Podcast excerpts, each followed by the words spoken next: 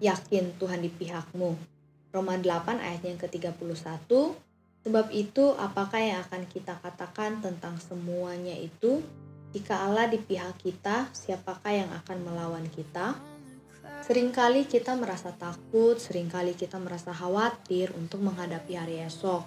Mungkin karena beban hidup yang semakin berat, tantangan hidup yang semakin terlihat jelas, beban dan tantangan hidup yang sepertinya semakin susah dan sulit buat diatasi dari hari ke hari.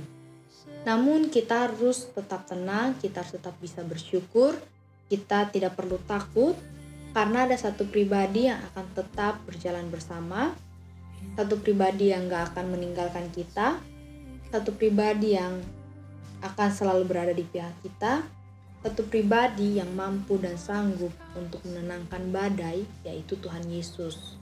Tapi kita juga perlu introspeksi diri.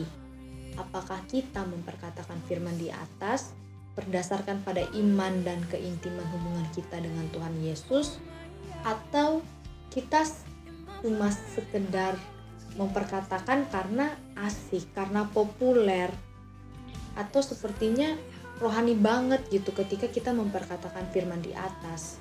Jika Allah di pihak kita, siapakah yang akan melawan kita?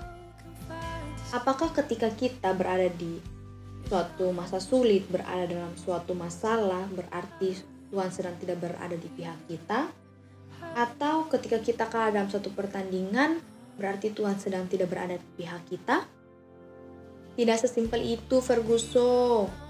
Keberpihakan Tuhan itu tidak hanya mengenai pemuasan kepuasan diri sendiri, tidak sekedar mengenai pemenuhan kepuasan hawa nafsu, karena Tuhan juga punya cara dan rencananya sendiri dalam hidup dan kehidupan kita. Keberpihakan Tuhan itu adalah ketika Dia tetap menyertai, ketika Dia tetap memberkati kita dalam segala situasi dan kondisi yang kita alami. Dan penyertaan Tuhan pun yang akan membuat segala pekerjaan yang kita lakukan menjadi berhasil. Karena itu, ayo kita bangun iman, kita bangun hubungan intim dengan Tuhan Yesus.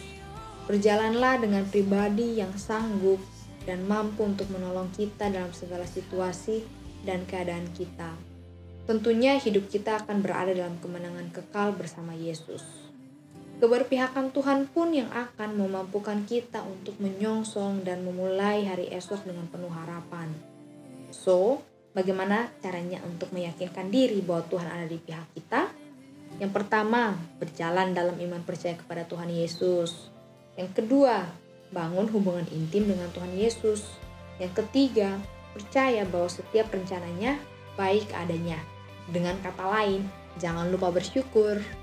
Amin.